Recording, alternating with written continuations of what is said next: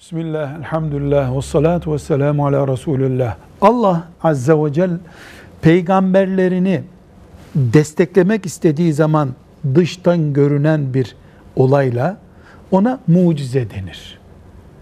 Eh, Musa aleyhisselamı ejderhaya dönüşmüş işte filanca olayla destekledi. Nuh aleyhisselamı tufan mucizesiyle destekledi. Bir peygamberi Allahu Teala destekleyeceği zaman dünyevi bir görüntüyle ona mucize denir.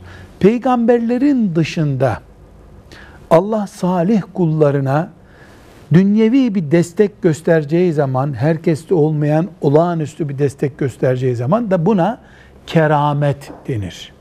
Keramet vardır.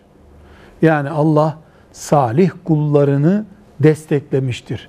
Ama hiçbir salih kulu keramet avına çıkmamıştır.